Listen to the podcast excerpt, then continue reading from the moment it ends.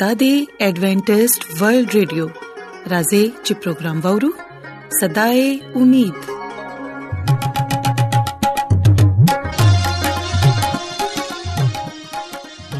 ګران اوردونکو پروگرام صداي امید سره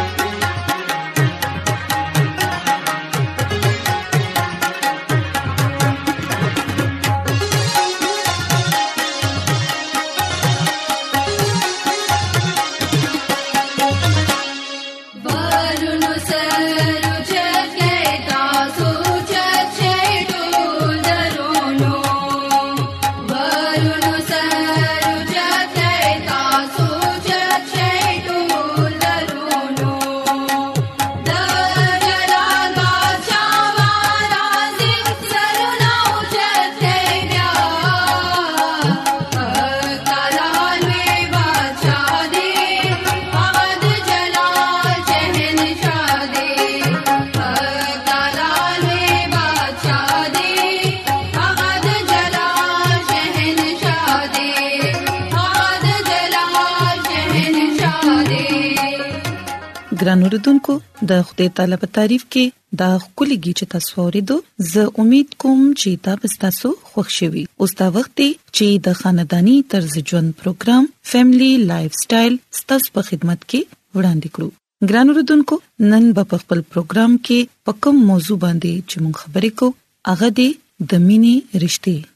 ګران اوردونکو د نن په پروګرام کې به مونږ تاسو ته دا خایو چې یو خاندان کې چې تاسو اوسېږئ نو تاسو څنګه یو ښه او خوشگوار ژوند تیرولې شي او ګران اوردونکو دا چې مونږ خپل خاندان د مینې په ذریعہ څنګه مضبوطولې شو او د یو ښه شخصیت مالک جوړې دي شو ولې چې د مینې نه بغیر مونږ هیڅ رشتہ قائمه نشو ساتلې په هري رشته کې د مینې حجت وي نو کو بیا هغه د مور پلار رشته وي د الواد یا د مور پلار ترمنځ وي د رونو خويندو سره رشته وي یا فرض کړئ د خزي خاون ترمنځ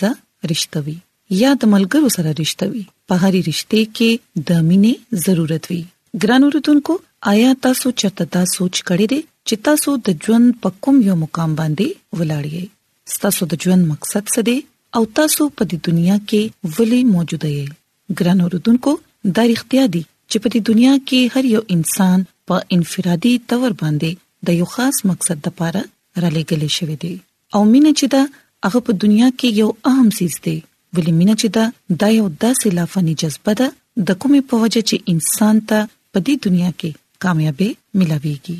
ګران اوردونکو په دې دنیا کې د ټولو نه اهم سیس چې کوم دی هغه مینه ده په دې دنیا کې چې کوم خلک په مینه باندې یقین لري هغه په دنیا کې لوی لوی کارونه یعنی کارنامې سرته رسولې دي یاد ساتئ چې د هر سیز انحصار په مینه باندې دی تاسو چې څومره خپل ځان سره مینا کوي نو اکه عمر به تاسو نور خلکو سره هم مینا ساتي او تاسو ته به هم اکه عمر زیات زهنی سکون ملاويږي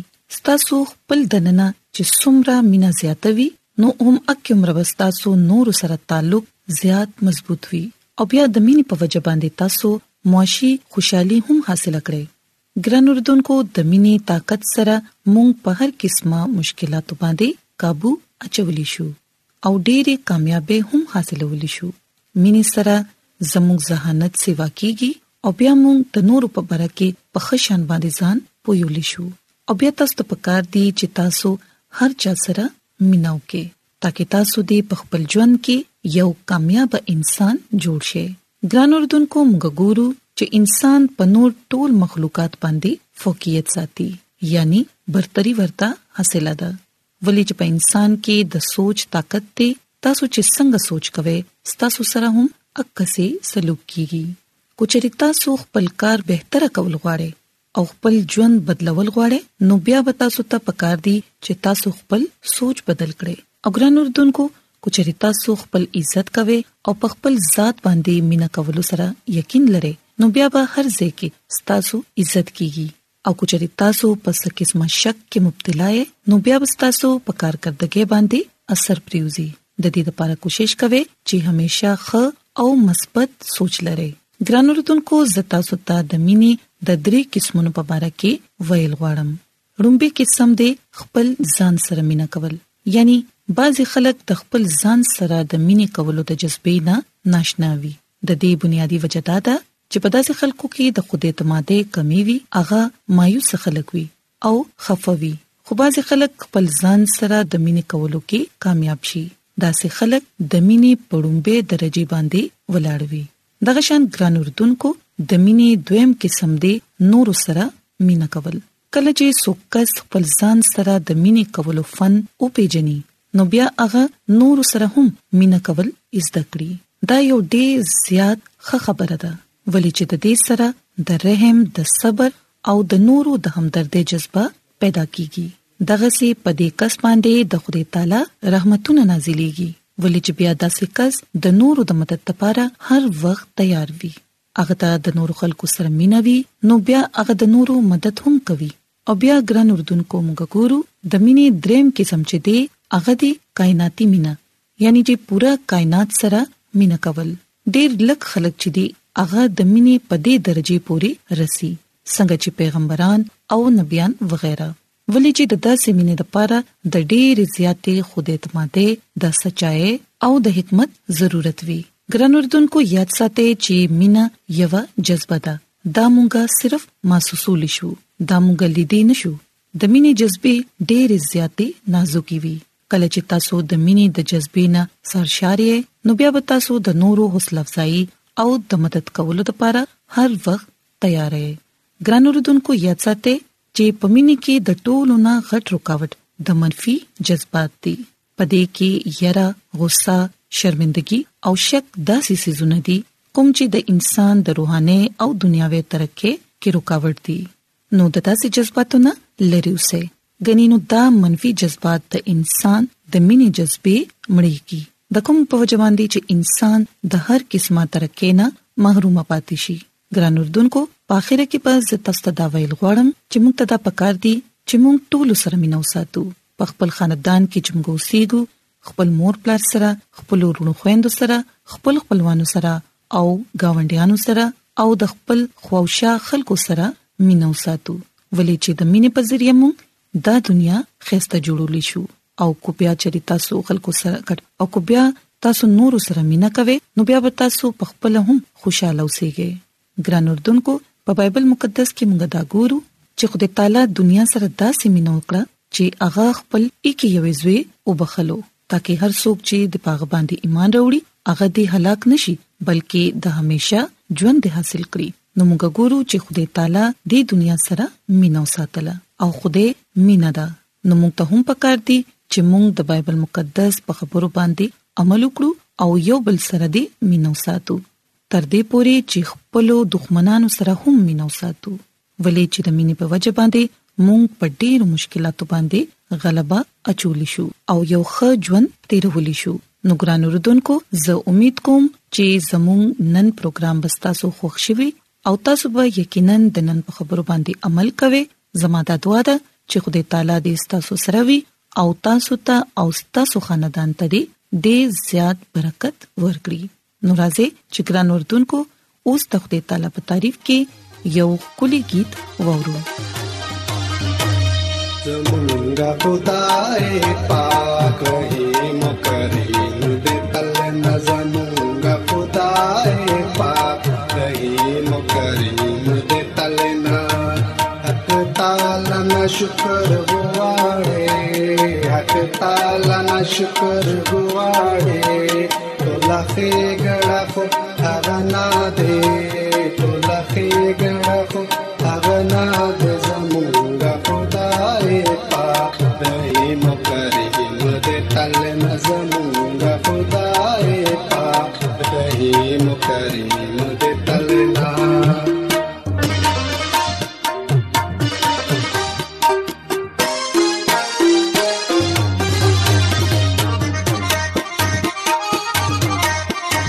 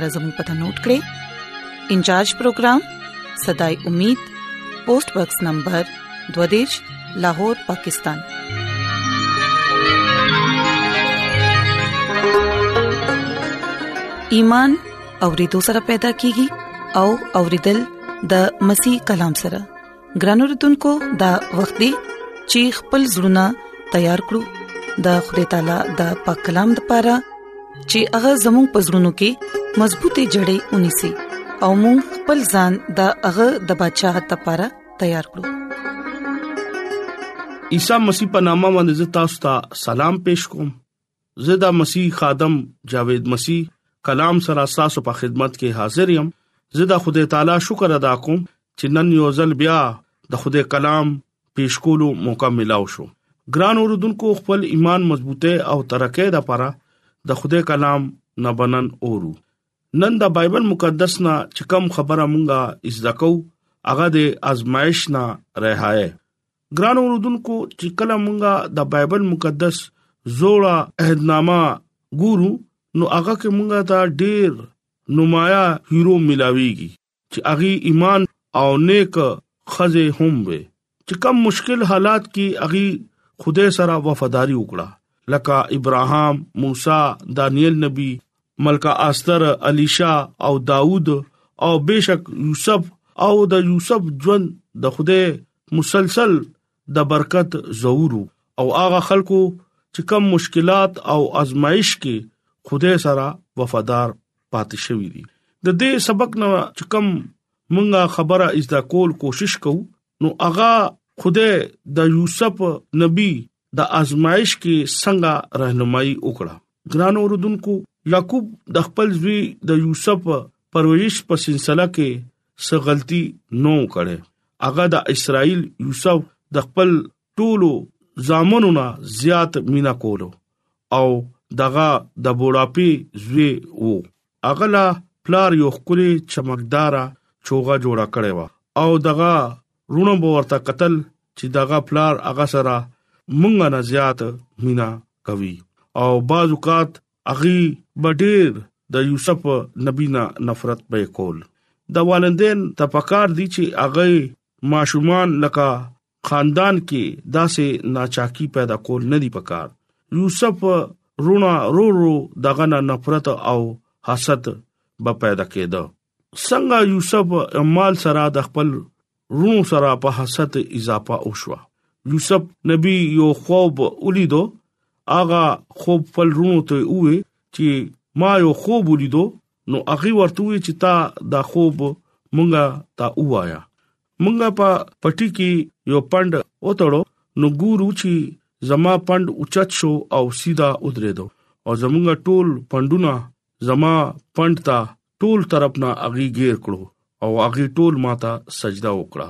پیدائش درې کم سلوي قائد او پنځم نه و مو آیت پورې یوسف یقینا د خپل روي او د کارونو نه ذمہ دار وو او هغه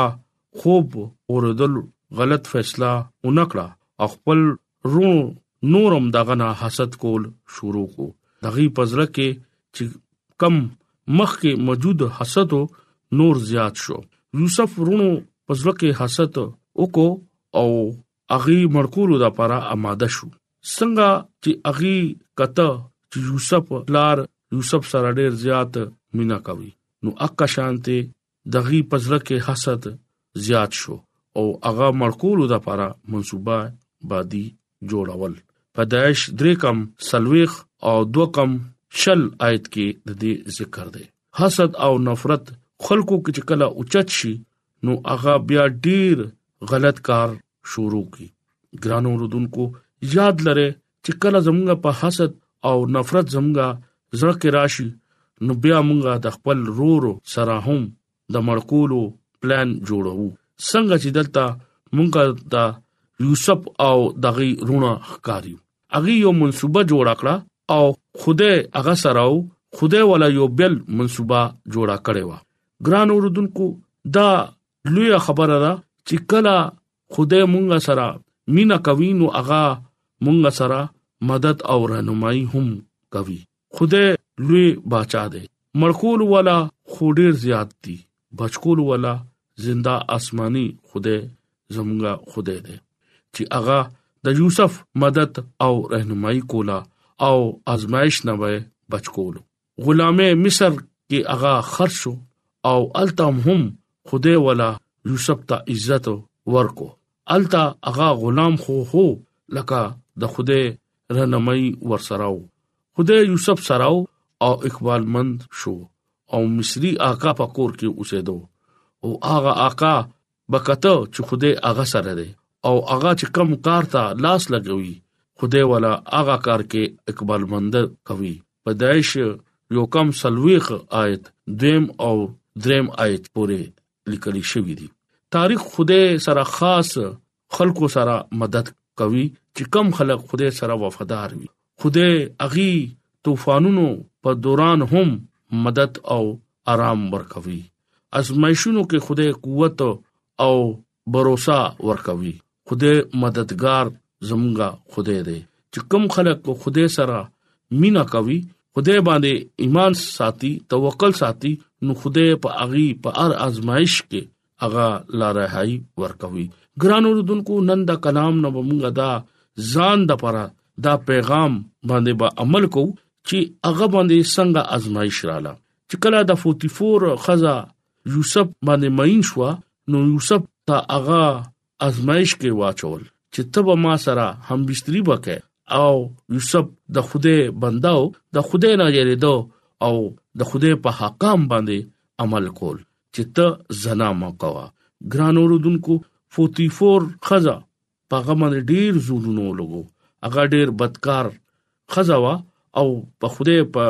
حضور کې هغه ګناګار وا تاسو حواله وګورئ یو کم سلويخ باب او دغه نهم آیت یوسف خدای سره وفادارو او خدای سره چې کم خلک وفاداری نو خدای هغه آزمائش نه وباسي ګران اوردونکو مونږه ګورو چې 44 هغه ښځه په هغه باندې الزام ولګو چې دې زما سره زیاتې کولو یوسف سره دلته بے انصافي رویه اغي اختیار کو او جیل کې واچول خدای یوسف په جیل کې هم بلا برکت ورکوي التا خدای یوسف سره او په غمنده رحم کو کېدخانه کې په دروغه نظر کې هغه مقبول شو. يو کم څلوېښت باب او نهه کم دیش آیت کې لیکل شوی دی ګرانو رودونکو خدای هغه دوه ملګری چې کم خوب تعمیر کول د لپاره مقبول شو فرعون چې کم خوب لیدلو دغه جواب چا ور نکړو هم التبیا خدای د یوسف مدد او رهنمایي وکړو مبارک هغه خلک دي چې کم دغه نه یریږي او خپل زړه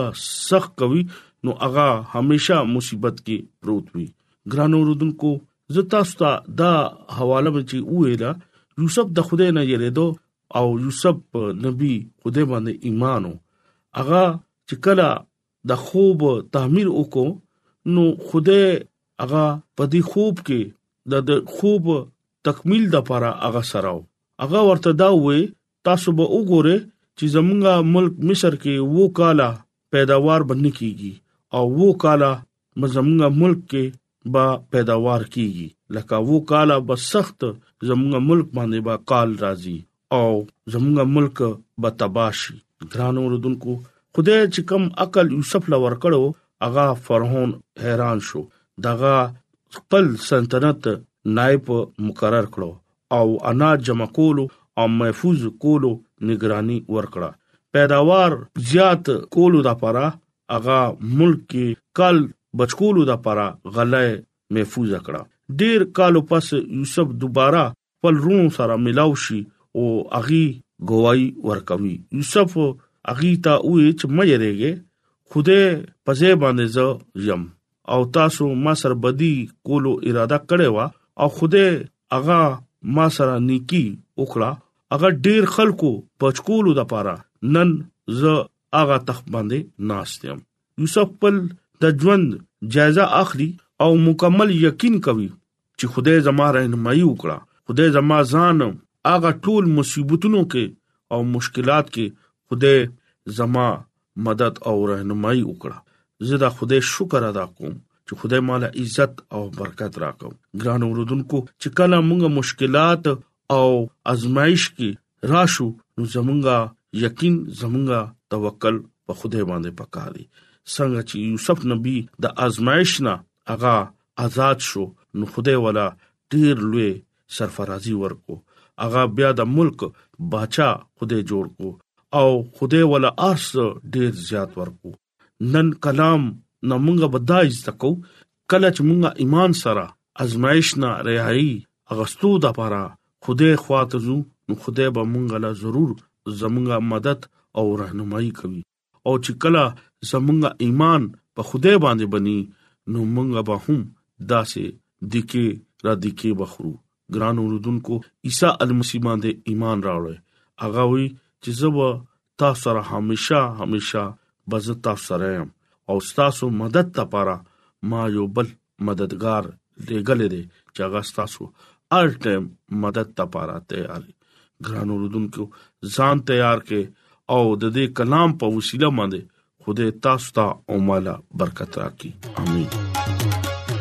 ایڈونچر ورلد رادیو لړغا پروگرام صداي امید تاسو اورئ راځي د خدای تعالی په تعریف کې یوبل गीत